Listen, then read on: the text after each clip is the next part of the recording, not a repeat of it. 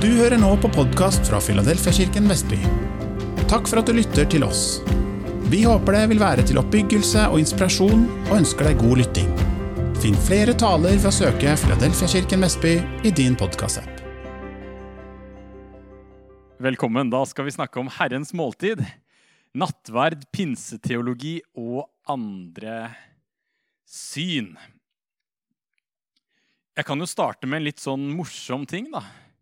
Men eh, Men dere har kanskje hørt, eh, hørt dette uttrykket hokus pokus. Eh, og det kommer jo fra når gudstjenestene var på latin. Og så hørte folk som ikke kunne latin, hørte de hoct es corpus når de sa innstiftelsesordene 'Dette er min kropp'. Og eh, hokus pokus er nok en avledet fra, fra, fra eh, innstiftelsesordene som man hørte i, i, kirken. Så det er jo litt, en litt sånn artig Det vi kaller for fun fact, da. Så, eh, men Herrens måltid, eh, nattverd, pinseteologi og andre sin opp, opprinnelig så sto det jo um, Altså, Det var jo en forvrengning. ikke sant? Folk hørte dette her, og så trodde de det skjedde noe magisk. Uh, men, men um, opprinnelig så var tittelen på kvelden det var pinseteologi versus VS, andre syn. Og jeg syns kanskje at det var litt uheldig tittel. Uh, så jeg spurte kunne vi ikke ha heller pinseteologi og andre syn. For uh, jeg, ikke, jeg, kommer ikke til å ha en sånn veldig polemisk tone overfor andre kirkelige tradisjoner. Så hvis det var det du forventet um, Nattverd, Herrens måltid, brødsbrytelse, communion, kommunion Og vi også kaller det ofte evcharisti. Evcharisti er fra gresk og betyr takksigelse. Så Kjært barn har mange navn, og når vi snakker om nattverd, så er det også mange navn. Vi kan si nattverd, Herrens måltid, eukaristi osv. Herrens måltid er jo fra innstiftelsesordene, eh, og når Jesus eh, Ja eh, Rett før hans lidelse og død, så, så leser vi i evangeliene. Eh, og eh, jeg har satt de opp i sånn synopsis her, at de er ved siden av hverandre. Men her ser dere egentlig både fra Matteus, det er den borteste, Markus, Matteus 26, Markus 14, Lukas 22 og så første Korinterbrev, kapittel 11. Så eh, hvis man studerer disse nøye, så ser man jo at det er en slående likhet. Så de er nok kjent med hverandre. De har nok på en måte hatt en måte de har fortalt denne historien på i overleveringen. Eh, og så har på en måte Er det en, på en måte en historie som du kan si går igjen, da. Den som skrev først av disse her, er jo eh, mest sannsynlig Paulus, da. For Paulus' brev er skrevet før evangeliene. Så det er jo når han sier 'jeg har mottatt fra', Dere ser det til høyre der. Når han sier 'jeg har mottatt fra Herren det også gitt videre til dere', så går det jo an å tenke at her fikk han en spesiell åpenbaring fra Herren. Eh, men mest sannsynlig tror jeg, og de fleste andre, at her snakker han om noe han har fått overlevert. En, med andre ord en tidlig kristen tradisjon, en tidlig kristen overlevering, som han har fått. Så eh, ja, Vi kan jo kanskje lese den fra Markus 14, da, eh, fordi de fleste tenker at Markusevangeliet er skrevet først av disse evangeliene. Eh, da står det mens de holdt måltid, tok han et brød, takket og brøt det, ga dem og sa, ta imot, dette er min kropp. Og han tok et beger, takket, ga dem, og de drakk alle av det. Og han sa til dem, dette er mitt blod, paktens blod, som blir utøst for mange. Sannelig, jeg sier dere, Aldri mer skal jeg drikke av vintreets frukt før den dagen jeg drikker den ny i Guds rike. Eh, og det som er interessant, er jo at alle, alle, her forteller den samme historien, men man ser at de noen ganger har bitte litt ulik vektlegging. Så hos Markus så har jeg markert at han sier, 'Ta imot, dette er min kropp'. Dette er mitt blod, paktens blod. Eh, og Jesu død, hans kropp som ble brutt for oss, hans blod som ble utøst for oss, den kan vi si initierer, starter den nye pakt. Eh, når vi har Bibelen, så sier vi jo Det gamle og Det nye testamentet. Men eh, testamentum på latin det er oversettelse fra det greske ordet diatheke, som betyr pakt. Så når vi snakker om Den gamle og Det nye testamentet, så sikter vi egentlig til Den gamle og den nye pakt. Eh, og da er det sentralt er da Jeremia kapittel 31, for der finner vi disse profetiske ordene. Se, de siste dager så vil det komme Så vil jeg opprette en ny pakt. Jeremia 31, 31. Eh, og nå kan man spørre hva er den gamle pakt? Er det hele Det gamle testamentet? Vel, hvis vi skal være helt presist, og det ser vi hos Paulus også, at så er den gamle pakt det sikter til Sinai-pakten, når de fikk loven. Så den gamle pakt er ikke Abraham-pakten. Nei, den gamle pakt er Sinai-pakten. Um, og når Jesus initierer når han sier 'dette er mitt blod, paktens blod, som blir utøst for mange', så ser vi hvordan Matteus sier 'paktens blod som blir utøst for mange', så syndene blir tilgitt. Til syndenes forlatelse. Eh, og det som den gamle pakt ikke kunne gjøre Hva var den gamle pakt ikke kunne gjøre? Moseloven, Sinai-pakten. Det var å føre mennesker nært Gud. Loven fører ikke noen mennesker nært Gud. Loven kan ikke frelse noen. Kunnskap om Guds bud, Guds standard osv. er ikke nok til å frelse et person. For, person. for vi mennesker klarer ikke å leve opp til loven. Vi bryter budene, og vi kommer til kort. Så da måtte Gud finne en annen frelsesplan, og det var at Jesus lider en soningsdød for våre synder. Hans blod blir utøst, så syndene blir tilgitt.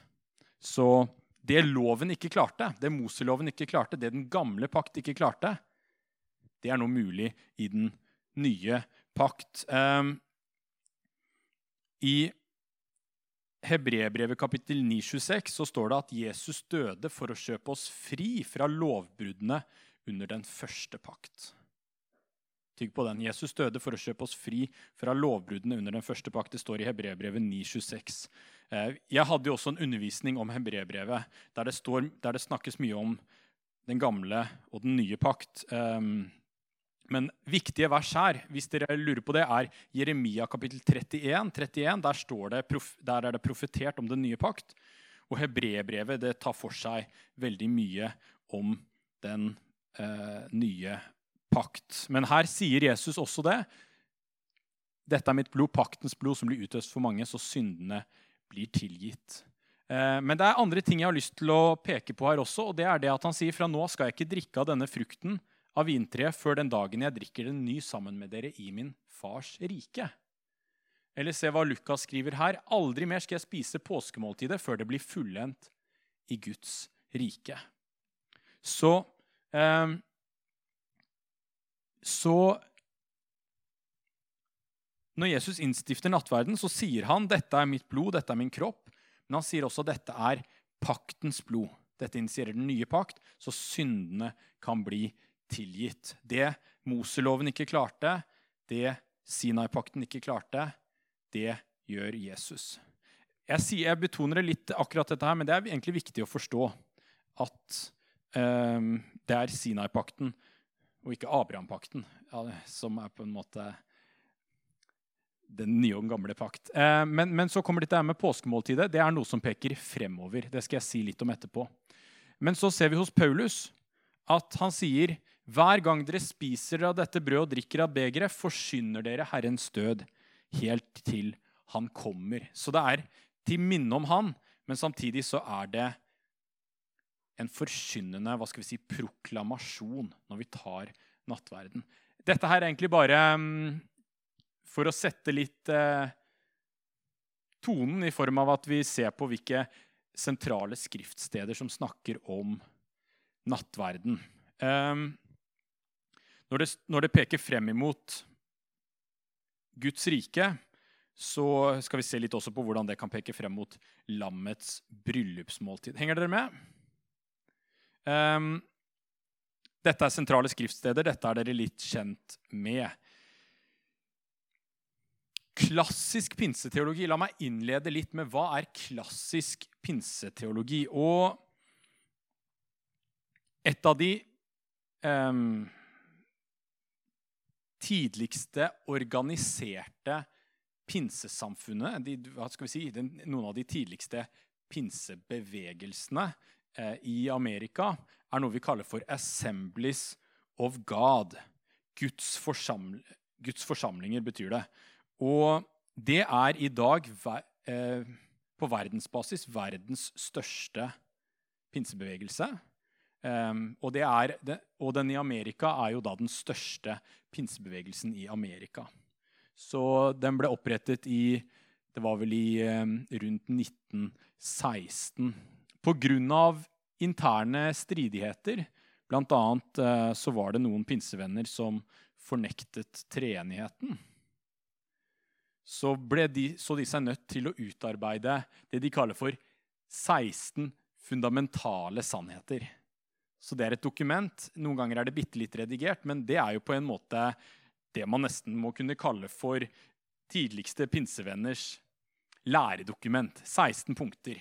Så jeg tenkte å vise dere hva er det det dokumentet, som er definitivt klassisk pinseteologi, som representerer da den største pinsebevegelsen i Amerika, og Assemblies of God er den største i hele verden. bare sånn at det er sagt.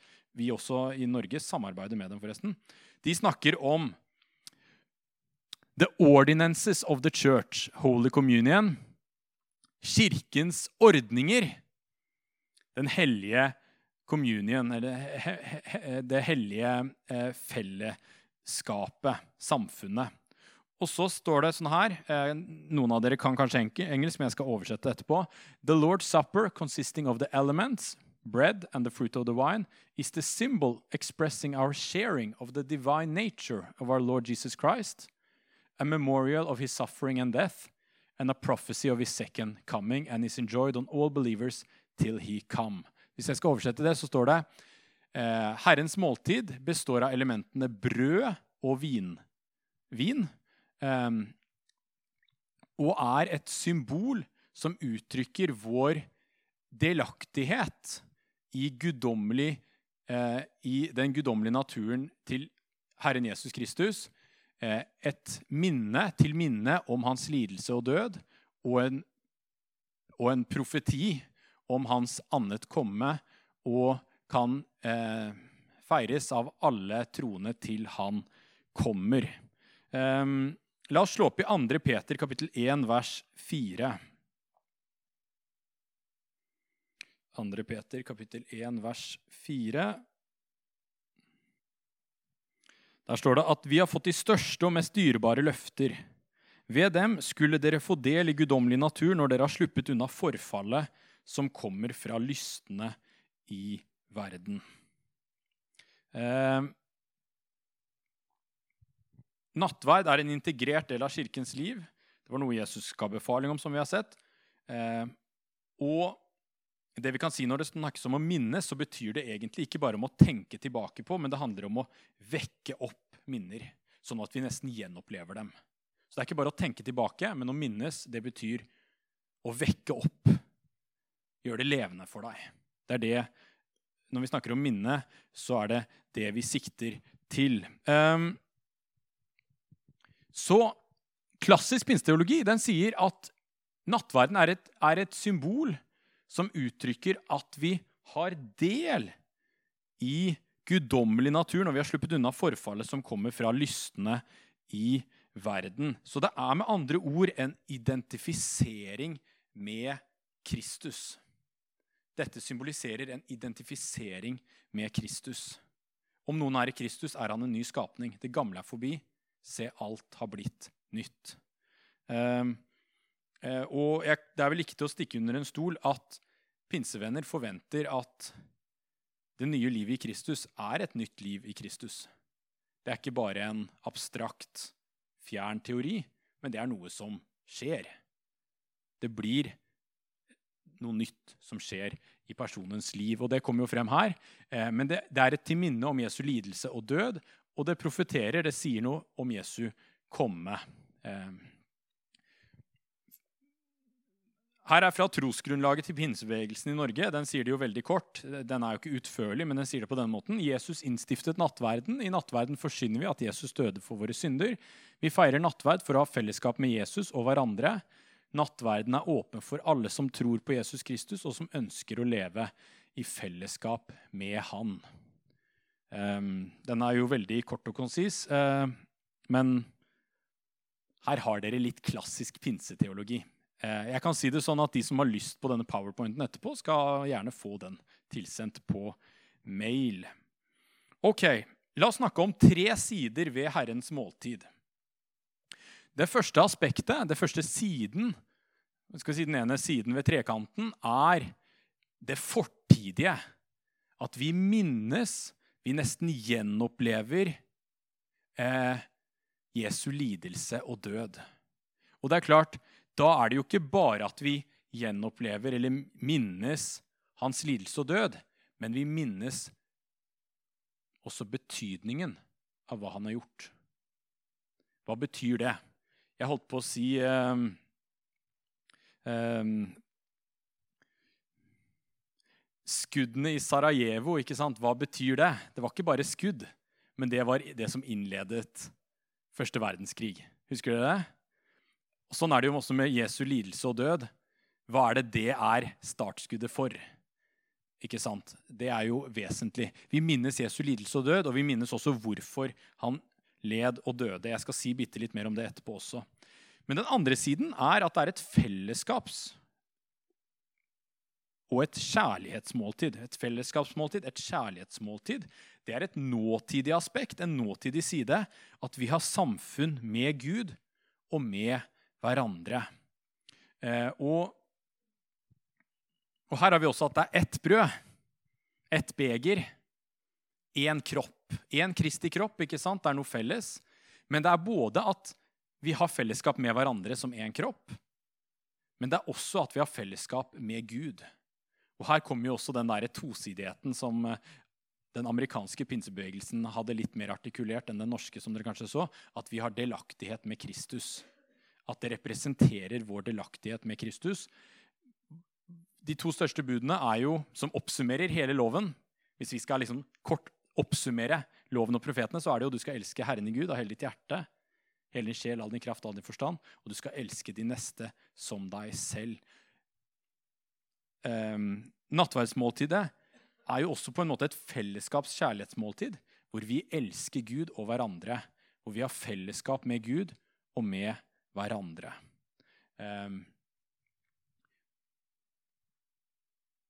men det er også en framtidig aspekt som vi har sett både i Jesu ord, men også i disse, den klassiske pinseteologien, at det er et framtidsaspekt. Det er et festmåltid hvor vi ser fram imot lammets bryllupsmåltid. Eh, gjerne slå opp sammen med meg i eh, Johannes' åpenbaring, kapittel 19. Johannes' åpenbaring, kapittel 19. 19 og fra vers 6. Da var det jeg hørte Og det er jo Johannes sine fremtidsvisjoner. Da, da, skriver han da var det som jeg hørte lyden av stor skare. Et brus av veldige vannmasser og et drønn av mektige tordenbrak. De ropte halleluja, for Herren vår Gud, den allmektige, er blitt konge. La oss glede oss og juble og gi ham æren, for tiden for lammets bryllup er kommet. Hans brud har gjort seg i stand, og hun har fått en skinnende drakt eh, av rent lin. Lin er de helliges rettferdige gjerninger. Og engelen sier til meg, skriv, salige er de som er innbudt til lammets bryllupsmåltid. Og han la til, dette er Guds sanne ord. Så nattverdsmåltidet, det er både tilbakeskuende på Jesu død og oppstandelse og hva det betyr.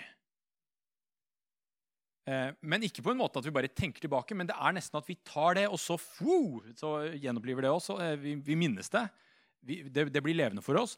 Men det er også et fellesskap med Gud og med hverandre. Både at vi deler brød, vi har fellesskap, men det er også at vi har fellesskap med Gud. Men også denne identifiseringen med Kristus, eh, som vi så.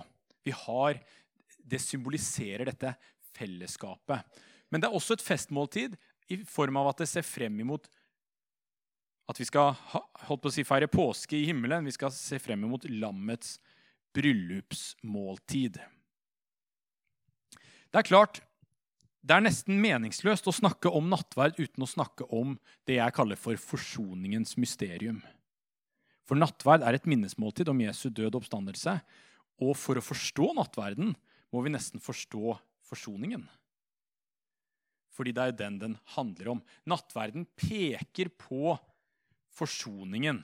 Eh, og det er nesten, jeg vil nesten si at jo mer vi har forståelse av korsets betydning, hva Jesu lidelse og død betyr, jo mer på en måte forstår vi hva vi minnes når vi feirer nattverd.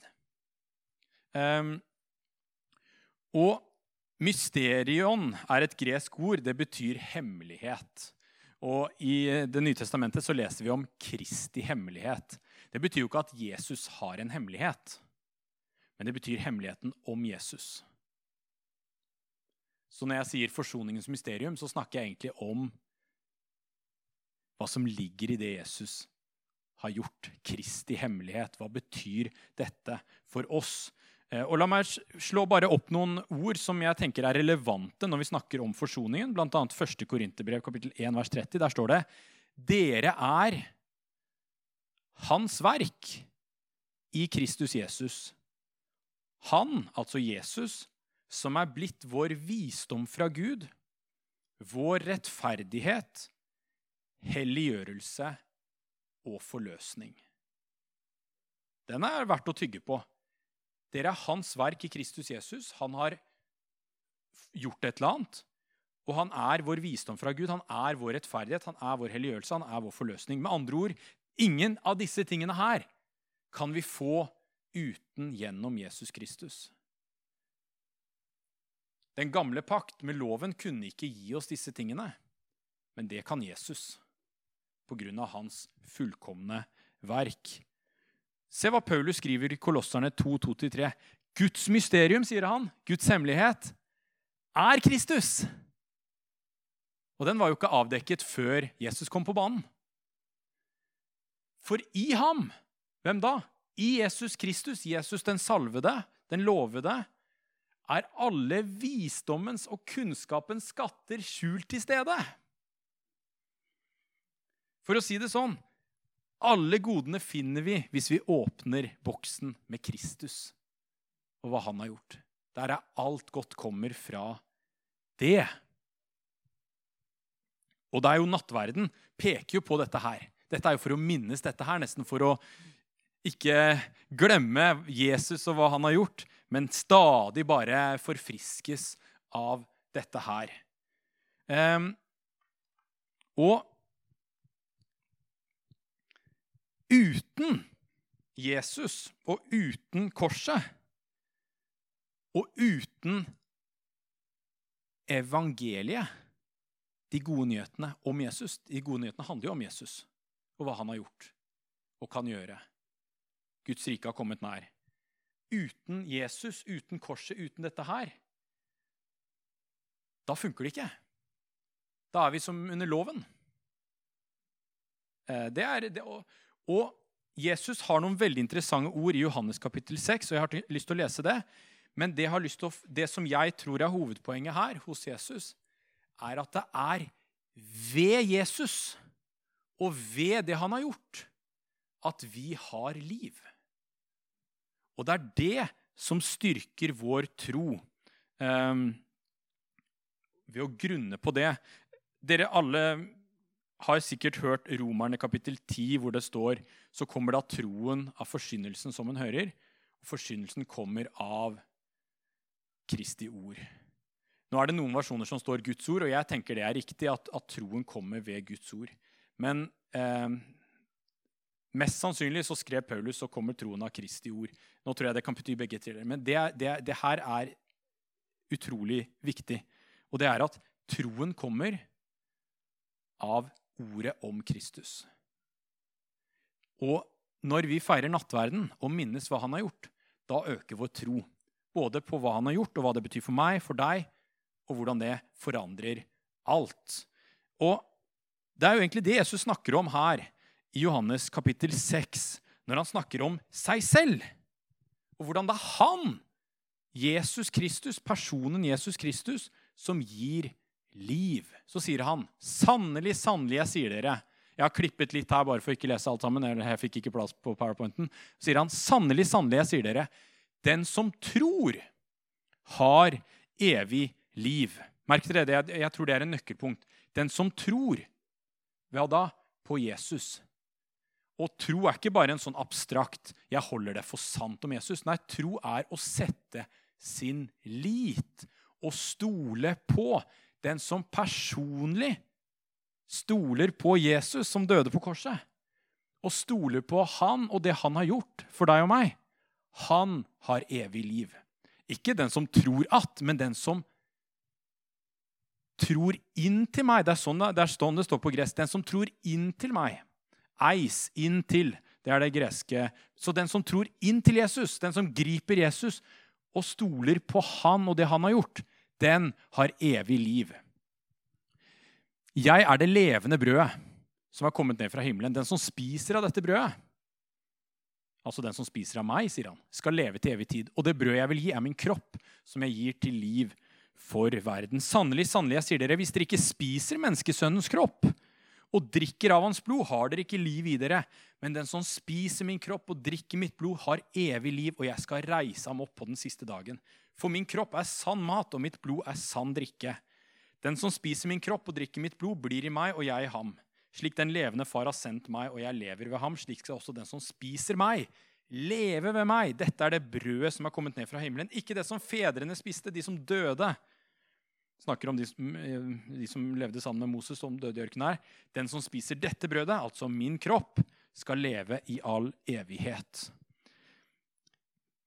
Jeg tror du misforstår dette versene her hvis du tenker eh, for bokstavelig i form av at det handler om nattverdselementene per se.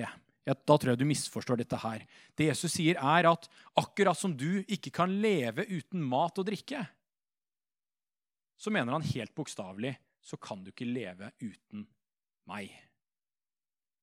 Uten Jesus ingen liv. Da vil dere dø i ørkenen. Det er bare den som tror den som livnærer seg av Jesus og det han har gjort for deg, bare den har liv. Og han som gjør det, hva vil han få? Han vil hos Jesus finne visdommen. Er han er min visdom. Han er min rettferdighet, han er min helliggjørelse, han er min forløsning. I Jesus er alle visdommens og kunnskaper skatter skjult til stede. Så forsoningens hemmelighet handler jo nettopp om Kristus og hva han har gjort. Og det er det som gir oss liv. Skal, vi skal um,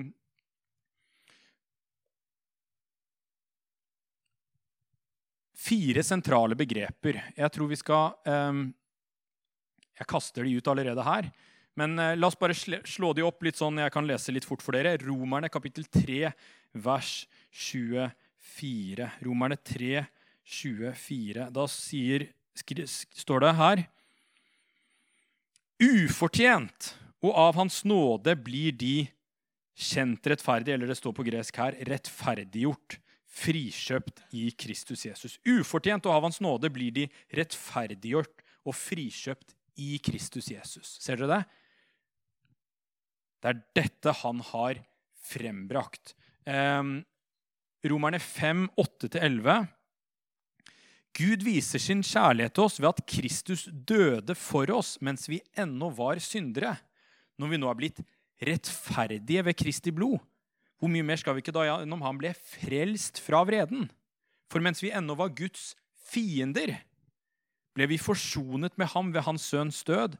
Når vi nå er forsonet, hvor mye mer skal vi ikke da bli frelst ved hans liv? Ja, ikke bare det. Vi har også vår stolthet til Gud ved vår Herre Jesus Kristus, han som har gitt oss forsoningen. Eh, og så skal vi lese andre kor 5, 17-11. Altså, dette kan man jo prate om timevis, egentlig. Men, men, merk dere hvor, hvor kompakt, hvor fyldig beskrivelsen av det Jesus har gjort, er. Romerne 5, 17-21. Nei, den som er i Kristus, er en ny skapning. Det gamle er borte. Se, det nye er blitt til. Alt er av Gud, han som ved Kristus forsonte oss med seg selv og ga oss forsoningens tjeneste. For det var Gud som i Kristus forsonte verden med seg selv, slik han ikke tilregner dem deres misgjerninger, og han betrodde budskapet om forsoningen til oss. Så har vi da utsendinger for Kristus, og det er Gud selv som formaner gjennom oss. Vi ber dere på Kristi vegne. La dere forsone med Gud. Han som ikke visste av synd, har han gjort til synd for oss, for at vi i ham skulle få Guds rettferdighet. Er ikke det kraftige greier? Ser dere det? Hos Jesus, i Jesus, på grunn av det Jesus har gjort, på grunn av hans fullkomne verk, som Hebreabrevet sier, han ga seg selv én gang for alle, så fins det frelse. Hva betyr det? Frelse er egentlig ganske sånn holistisk på gresk, men frelse sikter jo til først og fremst frelse fra synd. I Matteus kapittel 1 og vers 21 så står det han skal få navnet Jesus. Det betyr Herren frelser. Jesus navnet betyr Herren frelser, for han skal frelse sitt folk fra deres synder. Um, og når han frelser oss fra våre synder, så frelser han oss også fra djevelen, døden, mørket og helvete, fortapelse. For det er jo synden som er roten til alt dette her. Men han snakker også om at man er frikjøpt. Så man blir frelst. Men man blir også frikjøpt. Kjøpt fri. Eh, for å si Det sånn, det er ikke nok å bruke ett ord om hva Jesus har gjort. Man må bruke flere. Disse ordene er fra Paulus sine brev. Han snakker om frelse, han snakker om frikjøpelse. Han snakker om rettferdiggjørelse. Eh, og hos Paulus så er nok rettferdiggjørelsen på en måte tosidig i den forstand at rettferdiggjørelsen at man erklæres rettferdig, blir et skapende ord som resulterer i praktisk rettferdiggjørelse, med andre ord helliggjørelse. Det er utenkelig i Bibelen at en rettferdiggjørelse ikke vil forårsake endring. Det er litt som at når Gud sa 'bli lys', så ble det ikke lys. Nei, når Gud sier 'bli lys', så blir det lys.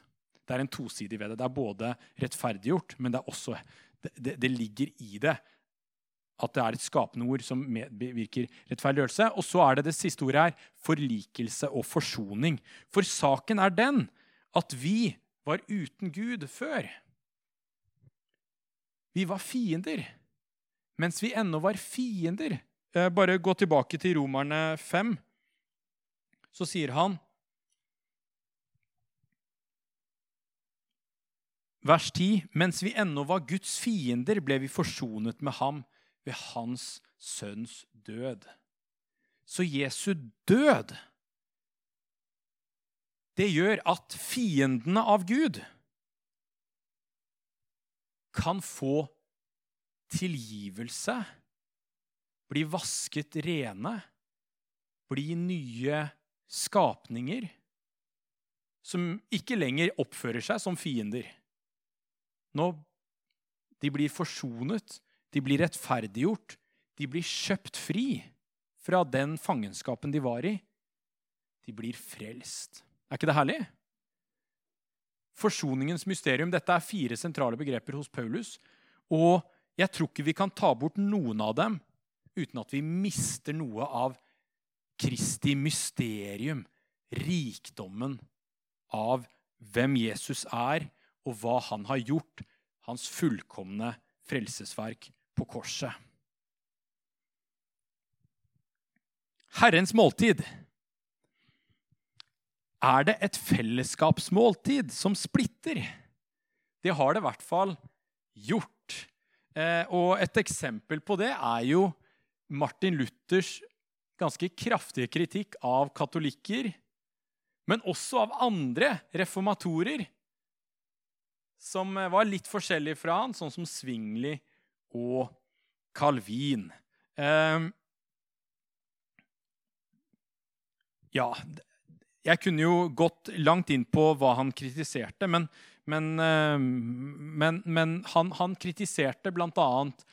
hos katolikkene så kaller de eh, nattverden for et messeoffer.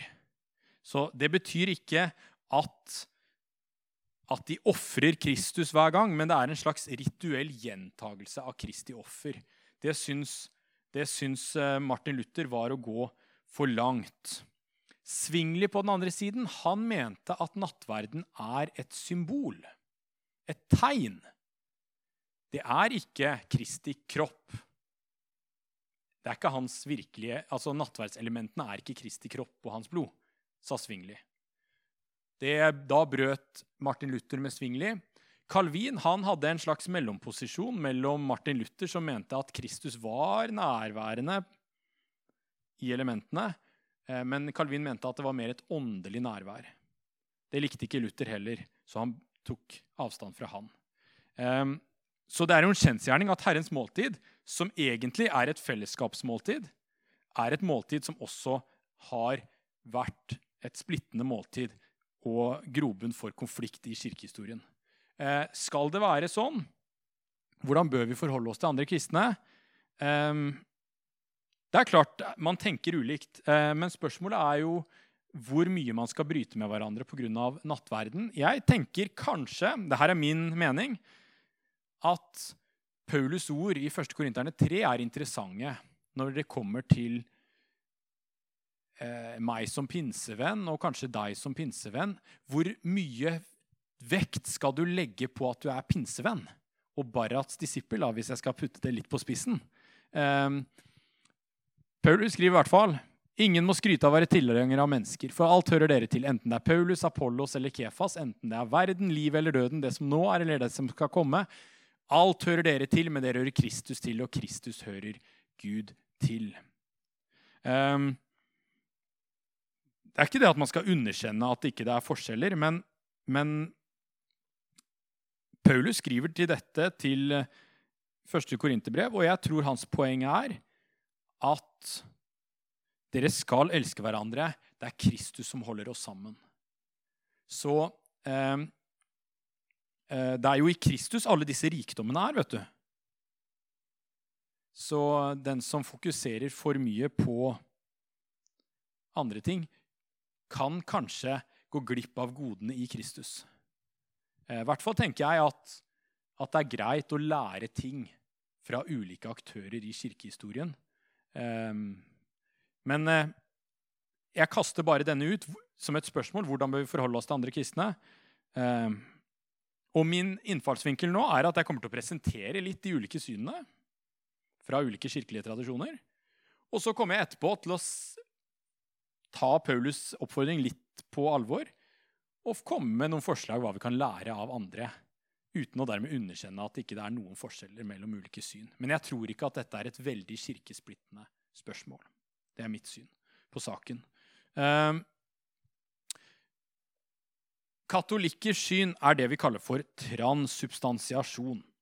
Eh, og jeg har jo allerede hatt den innledningen med hokus pokus, som er da de latinske innstiftelsesordene eh, hoc est corpus, eh, dette er min kropp, og i katolsk lære så tenker man at nattverdselementene er Jesu kropp og Jesu blod. Så når Jesus sa 'dette er min kropp, dette er mitt blod', så tenker katolikkene at ja, Jesus han mente virkelig hva han sa. De, de tenker at, at, det faktisk er hans kropp og hans blod som vi spiser. Ikke et symbol, men det er det. Eh, og det kaller de for transsubstansiasjon. Og saken er den her, eh, Og for å forklare det så lener de seg litt på Aristoteles sin filosofi, hvor, han, hvor, man, hvor man da tenker at når man sier innstiftelsesordene, hoc est corpus, da, for, for, å si det på latin, så, så blir disse brød og vinet forvandlet. Men det beholder noen av sine egenskaper. Så det, det, smaker fortsatt vin, og det smaker fortsatt brød. Og det ser fortsatt sånn ut, men, men det har skjedd en, en, viss substansiell transformasjon. Det er katolikkenes syn. Eh, og det tenker ikke jeg. Men eh, man kan i hvert fall merke seg at de vil ta Jesu ord om at dette er min kropp og dette er mitt blod, Eh, helt, helt bokstavelig. Hva med ortodokse? De også fastholder Jesu ord helt, helt bokstavelig, men de vektlegger De ønsker ikke å gå inn på en filosofisk eh, forklaring på hvordan det er hans kropp og hans blod. Så de sier heller at det er et mysterium. Det er en hemmelighet hvordan dette faktisk er hans kropp og faktisk er hans blod. Så de, de vil ikke gå, gjøre som katolikkene, at de tar en filosofi fra Aristoteles for å forklare det. De sier bare det er et mysterium, det er en hemmelighet. Henger dere med? Eh, hva sier lutheranerne? Jeg har jo allerede nevnt at Luther kritiserte de andre. Nei, Han tok et oppgjør med katolikkene, men han mente samt, at samtidig så er Jesus reelt, real, reelt nærværende. Så hans syn kaller vi ofte for konsubstansiasjon. På en måte at det både er brød og vin og Jesu kropp og blod samtidig. Så den lutherske teologien er litt sånn ja takk, begge deler. Det er både brød og vin, og det er Jesu kropp og blod. Så um, på den måten så ville Luther ta Jesu ord på alvor. Dette er min kropp, dette er mitt blod. Henger dere med? Så, men, men, men, dere ser forskjellen. Katolikkene tenket at det går fra å være brød og vin til å bli Jesu kropp og blod, mens, eh, mens lutheranerne sier at det er litt sånn både og. Så kommer vi til Svingli. Han sa nei, dere misforstår. Brødet og vinet er et tegn. Det er et symbolsk minnesmåltid. Så det er mer dette her representerer min kropp og mitt blod. Det var Svingli, og han var jo en reformator som levde samtidig med Martin Luther. Eh, så har vi Calvin. Og Calvin er på en måte en mellomposisjon, men han kom etter Svingli og Luther. Men han er på en måte en mellomposisjon mellom Luther og Svingli, for han sier det er ikke Jesu kropp og blod samtidig, men Jesus er nærværende. Han er så nær som det går an. Um, og det er kanskje grunn til å si at pinsevenner kanskje er litt mer på Calvin-linjen. Man tenker ikke at det er elementene er Jesu blod og hans kropp, men man tenker samtidig at det er noe når vi kommer sammen og feirer dette, så er samtidig han nær. Vi kan kjenne på hans nærvær. Han er, han er nær på den måten. Men for Calvin så var det Jesus er fortsatt i himmelen. Han er fortsatt i himmelen. Eh, det var litt sånn som Calvin tenkte. Så har vi metodister, og de også er litt sånn Metodistene kan vi si, de oppfordrer til å ta nattverd ofte og ser på det som et sakrament eller som et nådemiddel. Um, og i den forstand så kan man si at man tenker på det som et tilknytningspunkt for troen. Uh, med andre ord, det, det, å ta nattverd det er en måte å søke Herren på. Andre måter å søke Herren på, og vi kan få kontakt med Gud på, er gjennom å lese Bibelen og be. Nattverd er på en måte en tilsvarende nådemiddel, sånn som disse andre. Så har vi evangelikale kristne, og Billy Graham er jo på en måte definisjonen på hva en evangelikal er. Og Evangelikale vil ofte ikke snakke om sakramenter og nådemiddel, men mer om ordinenses. Det så vi tidligere her hos pinsevennene. En Guds ordning. Det er en Guds befaling, for Jesus har befalt det.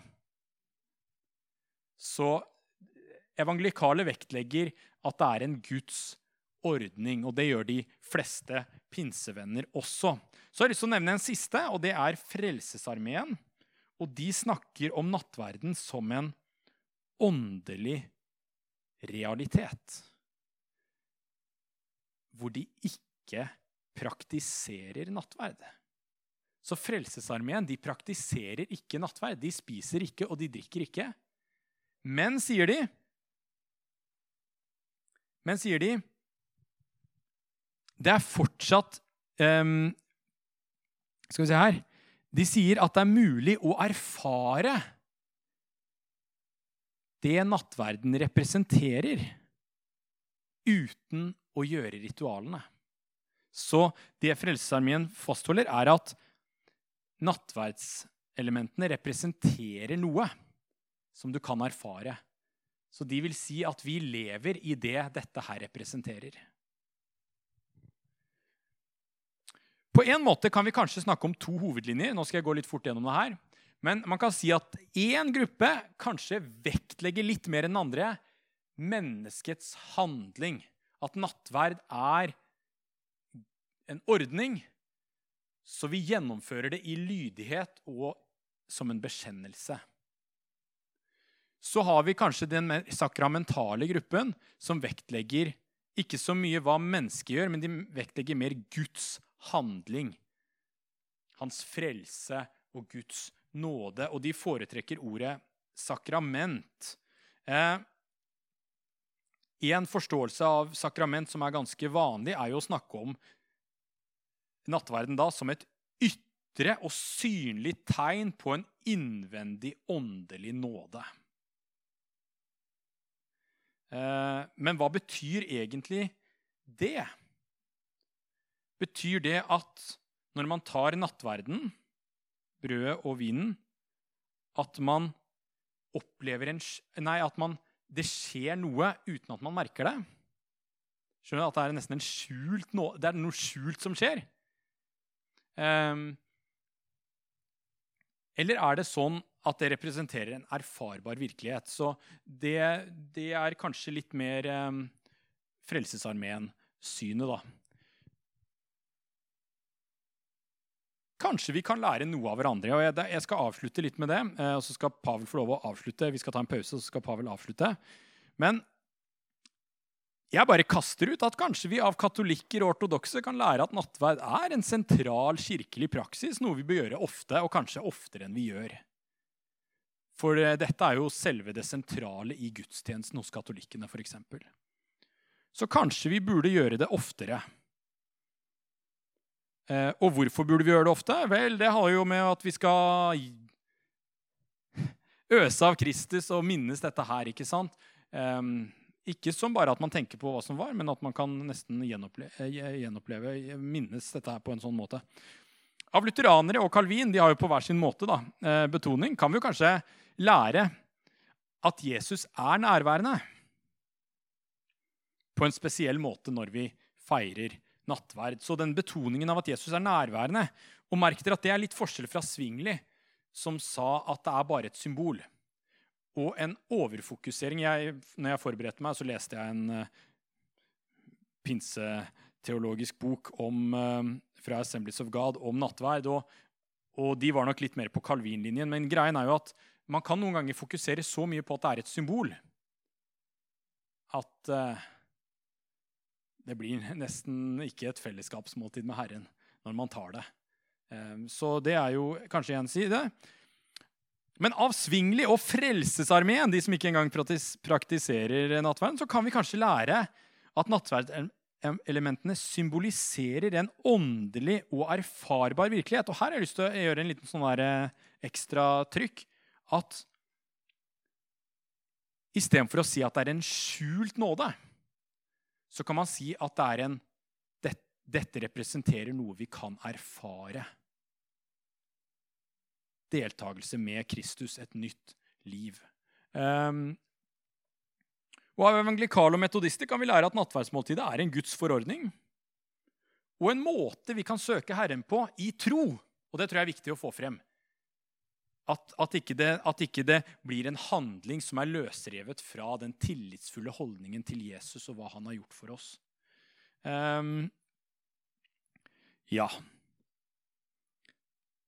Da tror jeg vi Nå har jeg sikkert gått langt over tiden, men um, da tror jeg vi tar en, en liten pause. Da fortsetter jeg litt til. Um, og jeg tenkte og, Jeg tenkte å ta litt mer praktisk side ved nattvær. Ja. Mm. ja. Ja. Det kan vi, så vi kan ta spørsmålet etterpå. Um, Katja, hvis du trenger Den ligger en, eh, en, eh, ja, en ark der. Ja, der. Ja. Um, jeg skal snakke mer om noen praktiske spørsmål, praktiske sider ved nattverd. Hvorfor gjør vi det slik? Og så hvorfor gjør vi det slik her um, i, i, vår menighet? Um, det er jo forskjell hvordan man feirer nattverd fra en kirkesamfunn til en kirkesamfunn. Um, I noen menigheter bruker man brød og vin. Andre bruker man saft. Uh, noen bruker knekkebrød og litt sånn forskjellig. Eh, om dette har noen, uh, noen betydning i noen menigheter. Det er sånn bare menn som skal, som skal forrette nattverd. Min, eh, min, morfar han var eh, pastor, og han måtte eneste gang han bakte brød, det var når de skulle feire nattverd i menigheten. Det var han som bakte brød til nattverd. Eh, så det er litt sånn forskjellige synspunkter på det. Det jeg har lyst til å si, at når vi, når vi leser om når vi leser om om, om påskemåltiden, f.eks. For, eksempel, for den nattverden som vi feirer i dag, det, det tar sine røtter i påskemåltiden som ble feiret i Gammeltestamentet. Der ser vi f.eks. at det står at man skal feire Man skal steke kjøtt. Og det faktisk står ingenting om at man skal spise brød eller drikke vin. Men etter hvert så kom dette som en del av påskemåltiden. Også allerede i Jesu tid, når Jesus skulle feire en uh, påskemåltid, så det var en ganske utviklet tradisjon på hvordan man skal feire påskemåltidet. Og da skulle det vært både brød og vin til stede. Og så det står at etter måltidet så tar han brød, tar han vin. Han bruker det som han hadde på bordet der. Og, eh, og det er kanskje også noe av det hvordan vi ser på nattvaren. at vi, eh, vi bruker rent, rett og slett det vi har. Eh, man, vi gjør ikke hele det skal være usyret brød eller syret brød. Eh, vi bruker det som vi syns passer til, til, vår forsamling. Det skal være gjerne Hvis folk har allergier, så vi tar hensyn til det. Eh, I noen meter bruker man fremdeles alkohol, eh, eller vin med alkohol. Det opplever vi at for noen det kan være et problem hvis man hadde problemer med alkohol. Så det kan også være en, sånn, en fristelse til å begynne å drikke på nytt. Så derfor ønsker vi å unngå det. Så derfor bruker vi saft eller druerjus. Eller, eller kan hende at vi bruker også alkoholfritt vin. da. Så, eh, fordi vi ser altså at dette er eh, Vi ser i, Jesus' tjeneste han ofte brukte det han hadde. Skulle han gi mat til 5000, så brukte han fem brød og to fisk. for det er det han hadde. Og når han etablerte nattvær, så det også kan man tenke at vin, om det var veldig viktig at dette skulle vært nemlig vin, det er jo selvfølgelig veldig symbolsk. Den er rød.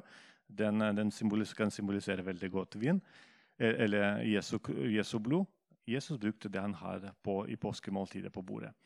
Samtidig brød er litt viktig, for han sier sjøl at 'jeg er brød som kommer fra himmelen'. Han bruker det som symbol. at Dette er noe som gir liv, dette er som gir oss næring. Det er noe som vi spiser hver dag. Så det kanskje er også en viktig ting at Jesus brukte, allikevel brukte det brød og vin. Hvor ofte skal man feire nattverd? Jan Daniel har bort, eh, nevnte det, at kanskje vi burde feire oftere. Eh, og eh, Hvis vi leser første menighet, hvordan de feiret, eller hvordan de hadde sine gudstjenester, så står det skrevet at de holdt sammen, og hver dag samlet de seg trofast på tempelplassen. I hjemmene brøt de brødet, og de spiste sammen med oppriktig og inderlig glede. Eh, jeg har, jeg jeg har lyst til å være veldig ærlig med dere. For jeg, også, jeg har min mening at når man leser at de, er, de brytet brød, det er ikke nødvendigvis betyr at de hadde nattvær. Eller at dette bryter brød det betyr ikke, ikke nødvendigvis betyr å, å, å ha nattvær. For vi har for flere eksempler i Bibelen hvor eh, det brukes samme uttrykket. Som f.eks. Eh, når Jesus møter disiplene på vei til Emmaus, så kommer de hjem. Og så spiser de kveld, så da bryter Jesus brød. Og da blir han gjenkjent i det han bryter brød. Når Paulus for eksempel, han var på besøk i Efesos og så preka helt til midnatt, og det var en gutt som falt ned fra vinduet. det kan det historie. Så kommer han ned og så ber for han, og så kommer han opp og så bryter brød og spiser, og så forkynner. Og Det samme når han var i stormen. Også, så han, han var sulten og så han begynte å bryte brød og spise. Jesus som velsigner fem brød og to fisk, han bryter brød og velsigner og gir. Samtidig ja, vi har han allikevel uh, allerede til å si at uh, nattverd var veldig sentral hos første disipler. Så det er veldig fort mulig at hver gang de var samlet sammen og spiste sammen, avsluttet de måltidet med nattverd. Så derfor det også kan man uh, med rette si at ja, uh, vi kan si at korset det var viktig og veldig sentral del av all møtekomst hos de første kristne. Når de var samlet sammen, de samlet ikke for å drikke kaffe, men å dele med hverandre sin tro. Og som resultat av det så kunne de selvfølgelig spise sammen, dele mat med hverandre og avsluttet med nattvær. Um, og så har jeg lyst til å si litt om stemningen rundt nattvær. For det er ofte litt sånn uh, litt interessant spørsmål. Hvordan skal man oppføre seg? Skal vi sørge over å eh, nesten ha det som minnesamvær når alle stille og litt sånn tragisk stemning fordi Jesus døde for oss? ikke sant? Det er jo, uh, det er jo alvorlig, det også. Uh, skal det være en jubel og fest? Det også kan være det Vi så ser at dette, skal være, dette er seiersmåltid når vi snakker om at Jesus vant seier for oss. Eh, så hvordan skal man forholde seg til dette? Eh, jeg har lyst til å si det en interessant tanke som eh, jeg syns er litt morsom sjøl. I Gammeltestament så finnes det en interessant idé som, som sier 'å spise for Herrens åsyn'. Jeg vet ikke om du har vært borti dette før? Eh, også To bibelvers som jeg bruker her, det er f.eks. 2. Mosebok 24 fra vers 9 til 11, det er når Moses går til Sinai-fjell. Og han tar med seg noen eldste, og så står det Så gikk Moses og Aron, Nabab og Abihu, Abihu og 70 av Israels eldste opp på fjellet. Der fikk de se Israels gud, de skuet Gud, og de spiste og drakk. Tenk på det. De hadde en måltid og, og da, jeg, eh, jeg, par, jeg, jeg slapp noen vers der, men det beskrives litt Guds herlighet. At Gud var der, Guds trone. Og de satt i Guds nærer og spiste der. Eh, et annet vers det er fra 5. Mosebok, når, når, når, Gud gir befaling til israelittene at du skal spise tienden av ditt korn, din most og din olje, og de førstefødte dyr av ditt storfe og småfe for Herrens din åsyn Guds, Guds åsyn, på det stedet han velger ut til bolig for sitt navn. Så du kan lære å frykte Herren din Gud så lenge du lever. Så skal du holde måltid for Herren din Gud åsyn og glede deg sammen med din husstand. Tenk på det. Og igjen eh, samme idé om at man kan spise i, Herrens, i Guds nærvær. Uh, og dette er uh, også for, uh, forbilder til det som senere skal komme som en nattvær.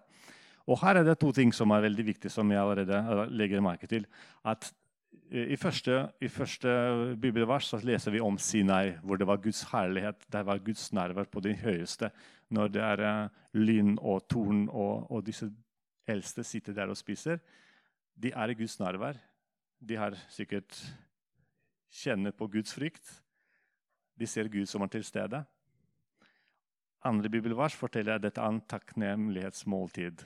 Når de takker Gud for alt han gjorde for dem, og de de samles med familie, med hele husstanden, og så feirer. Uh, påskemåltid er også en av disse feiringer som man spiser i, i herrens, for Herrens åsyn. Min, også, og Jesus, Gud etablerte den måltiden at rett og slett folk skulle samles og spise sammen. Og på den måten minnes frigjørelse fra Egypt. Um, også når vi leser Matteus uh, i Nytestamentet, så ser vi også det noen av disse vers blir sitert allerede.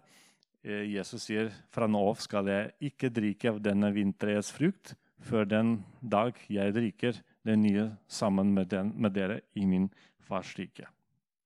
Det er også Jesus profeterer om at jeg kommer til å, vi kommer til å spise det sammen igjen som et fellesskap. Så nattverd dette er et uh, måltid når vi spiser og vi forstår at Gud er til stede. Dette er sånn et måltid hvor vi takker Gud som et fellesskap. Takker Gud for noe. Det er, takke, det er sånn måltid hvor du minnes noe. Det blir allerede sagt i dag. At vi minnes det Jesus gjorde for oss. Og det er også en profetisk måltid når vi snakker om framtiden. At vi skal spise sammen med Jesus. Vi skal samles hos ham en dag og vi skal bli samlet til bryllupsmåltid. Så stemningen Jo, begge deler. Vi skal ha respekt.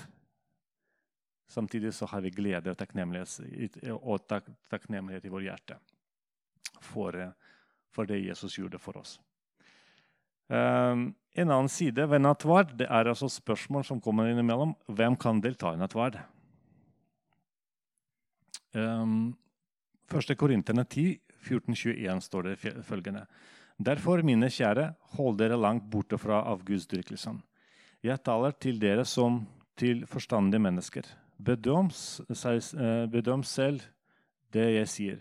Velsignelsesbeger som vi velsigner, gir det ikke del i Kristi blod? Brødet som vi bryter, gir ikke det del i Kristi kropp? Fordi det er ett brød, er vi alle én kropp. For vi har alle del i det ene brød. Dere kan ikke drikke både Herrens beger og, on, og, og onde åndens beger. Dere kan ikke delta både ved Herrens bord og ved onde åndens bord. Um, første ting som, som, som Paulus sier her, han, han henvender seg til troende i Korint her. Og han sier at dette er en dette er en budskap, det er en, dette er en symbolisme, det er noe eh, beskjed i dette måltidet. Det er ikke bare brus og boller. Det er noen fortelling som vi tror på. Derfor dette er måltid for de som tror. For de som tror på Jesus. Det er den første tingen. Andre ting som Paulus sier her, at dette er at uh, det er ikke bare de som en gang bestemte seg for å være kristne, men de som i hverdagen også forlater Eller, skal, eller vi er egentlig uh, oppfordret at vi skal forlate alle slags avgudsdyrkelse for å tilhøre Herren. Det er vi som ønsker å leve i Guds nærvær, ønsker å leve med Han daglig. At vår troen er ikke bare en, etter papir, men dette er levende tro. Det er noe jeg bekjenner, det er noe jeg lengter etter. Det er noe som jeg har lyst til å følge med i hverdagen. Det er, det er disse menneskene som uh, skal, skal, delta i nattverd. Hvem bestemmer det? Det er ikke pastor og ikke møtevert. Det er et menneske som er, i, i, som er, til stede, som egentlig må ta et valg. Men det som må være veldig tydelig, at uh, dette er måltidet for deg som tror på Jesus. Eh, kom en annen spørsmål. Hvordan er det med eh, Skal vi se Nei, det er litt, litt, litt for tidlig. Eh, eh det er noen som eh, Det er sånn en, også en symbolisme både Det er to, det, det er to eh, befalinger som vi fikk fra Jesus. Det er dåp og nattvær. Og Ofte sies det at dåpen det er en inngåelse i pakt med Gud, eller tegn på inngåelse med pakt med Gud. Mens nattvær det er en bekreftelse at vi er fremdeles i pakt med Gud. Eh, av den grunn eh, Noen menigheter også sier at ja, da kan Hvis du ikke er døpt, så får du ikke lov til å delta i nattverden. For det er dåp som er paktinngåelsen. Eh, samtidig så jeg har lyst til å si at eh, vi tror at mennesker er frelst ved tro og tro alene. Dåpen er symbolsk handling som viser allerede på en, på en fødsel, eller en fødsel som allerede har skjedd. Derfor uh, vi oppmuntrer, oppmuntrer oppfordrer alle som er ikke døpte, at man, at man, skal døpe seg hvis man tror på Jesus. At man skal også bekjenne sin tro ved dåpen. Men vi også innrømmer at dette er et frelst menneske som allerede tror på Jesus. Og Gud forbi hvis det plutselig man dør. Vi tror at man blir frelst uansett om man ikke rakk å døpe seg. Det er derfor også deltakelse i. Vi ser at dette er, ganske, det er en naturlig del av det. Kan, dette er en trosbekjennelse, at man bekjenner sin tro på Jesus. Bekjenner at man er i relasjon med Jesus. Um, det samme også gjelder f.eks. Uh, spørsmål om, om barna kan delta. Jeg må si at For, for min egen del det var sånn en ganske lang prosess for å, for å komme til den avgjørelsen om barna kan delta eller ikke. Jeg har mine røtter i belarusisk pinsebevegelse, hvor det er ganske, ganske strengt, uh, det. Um, um, men det er også både siste årene, både koronatider og litt sånn rundt det, uh, tvunget meg til å tenke litt på nytt min teologien. Hvor viktig det er uh, at, at nattvær det er ikke bare en, en, handling som vi voksne skal gjøre, men vi også er ansvarlig for å lære våre barn til å tro på Gud. Lære dem Guds sannheter. Og eh, nattverd er også en prosess, en lærdom, hvor vi kan presentere Jesu død og lidelse til barna på en, uh, en spesiell måte. Ehm, det er derfor ehm, jeg må si at jeg måtte endre mitt ståsted der. Og eh, vi, vi tror, eh, eller jeg, jeg, tror at det også Jeg kan finne en begrunnelse i Guds ord, og så jeg finner også bekreft, eh, eller velsignelse i Eldsterådet i menigheten. At barna kan få en velsignelse ved å delta i nattvær, i form av at de også kan lære noe om Gud, lære noe om Jesus gjennom deltakelse. Og at vi som foreldre har også ansvarlig for å forklare dem hva egentlig som skjer. Og Det er også en veldig fin anledning til å ha en samtale med barna om det mest sentrale i vår tro, om Jesus. Så der har vi altså vår, eh, vår mulighet til å formulere oss på en god måte og lære oss hvordan skal vi formulere evangeliet så at våre barn forstår. Vi kan være evangelister for våre egne barn. Hva det vil si å delta i nattverden. Og andre Mosebok 14 står det om når sønnen din siden spør deg hva dette betyr, skal du svare med sterk hånd førte Herren oss ut av Egypt, ut av slavehuset. Dette er eh, beskrivelse av hvordan påskemåltidet skulle feires. Og Der skulle hele familien være til stede. Og Det var sånn veldig viktig at Gud også oppfordret at foreldre skulle forklare til sine barn hva er betydning av påskemåltidet. Derfor så, eh, tror jeg at Gud er fremdeles opptatt av at vår, våre barn forstår og blir kjent med Jesus, med, med det gjorde han for oss på Golgata. Um, og så Jesus sjøl sier, 'La de små barna være', og hindre dem ikke å komme til meg, for himmelens rike tilhører slike som dem. Og Paulus pleide, pleide å si, 'Dere vet at jeg ikke har holdt noe tilbake som kunne gagne, gagne dere.' Men jeg har forkynt dere for dere og undervist dere både offentlig og i hjemmene. Jeg syns at nattvær det er noe av det viktigste. Og det som kan være virkelig til gagn til oss alle. Så Paul ville, Paulus ville undervise om det også. Um, en ting til som jeg hadde lyst til å uh, si når vi leser, um, leser Korinterbrev, beretning om nattverd, der så uh, kommer noen tanker som ofte noen skremmer, kan, tanker som kan skremme noen. Og det handler om å dømme seg sjøl og delta verdig i et nattverdmåltid. Uh, jeg har lyst til å lese hele den avsnitten der for, å, at vi, for at vi skal forstå hva Paulus snakker om, så må vi ta noen flere vers enn bare de versene som vi pleier å lese under uh, nattverd i menigheten. Og Da har jeg lyst til å lese fra 1. Korintene, fra kapittel 11, fra vers 17. Og så lese til slutten av den kapittelet. Når jeg, har, når jeg har gir dere min påbud, er det en ting jeg ikke kan rose dere for. Dere samles på en måte som ikke er til nytte, men til skade. For det første hører jeg at det er splittelse blant dere når dere kommer sammen som menighet, og jeg tror det kan være noe i det.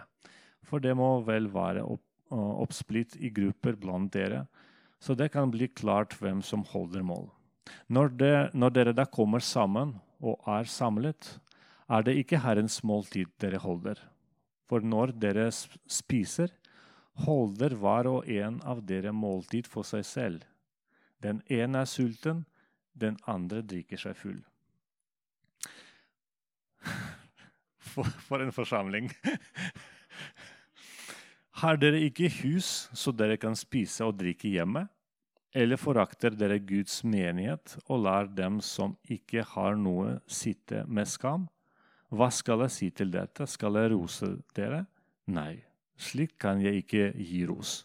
For jeg har mottatt fra Herren det jeg også har gitt videre til dere. I den natt da Herren Jesus ble forrådt, tok han et brød, taket, brøt det og sa, Dette er min kropp, som er for dere.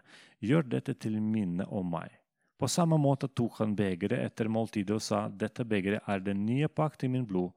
Hver gang dere drikker av det, gjør det til minne om meg. For hver gang dere spiser dette brødet og drikker av begeret, forkynner dere Herrens, brød, Herrens død helt til Han kommer. Den som spiser brød eller drikker av Herrens begeret på urettvis, gjør derfor urett mot Herrens kropp og blod. Anvar må prøve seg selv, og så spise av brød og drikke av begeret. For den som spiser og drikker uten å tenke på at det er Herrens kropp, spiser og drikker seg selv til doms. Derfor er det mange svake og skrøpelige hos dere og noen er sovnet inn.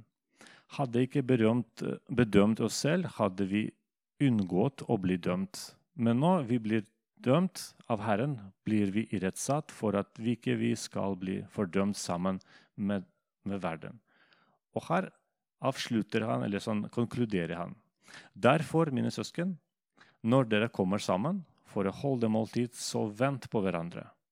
Hvis noen er sulten, får han spise hjemme, så ikke sammenkomstene deres skal føre dom over dere. Om de andre tingene skal jeg gi retningslinjer når jeg kommer. Her er det hele fortellingen om hvordan, hva Paulus fortalte denne gangen om Herrens måltid.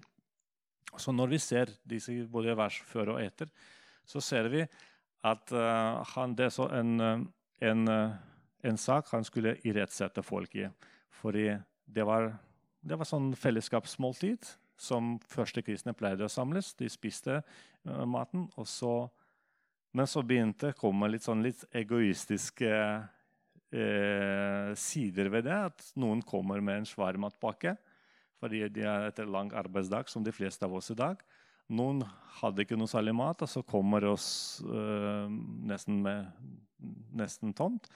Og så folk har ikke lyst kanskje til å dele. altså Noen spiser massevis, og så drikker jeg vin til de, til de er fulle, mens andre sitter og sulter. Og så sier Paulus nei, dette er feil. Dette er feil. Dette er det første, det, det første vi snakket om, at dette er en verdig måltid. Gud er til stede her. Vi kan ikke være sånn.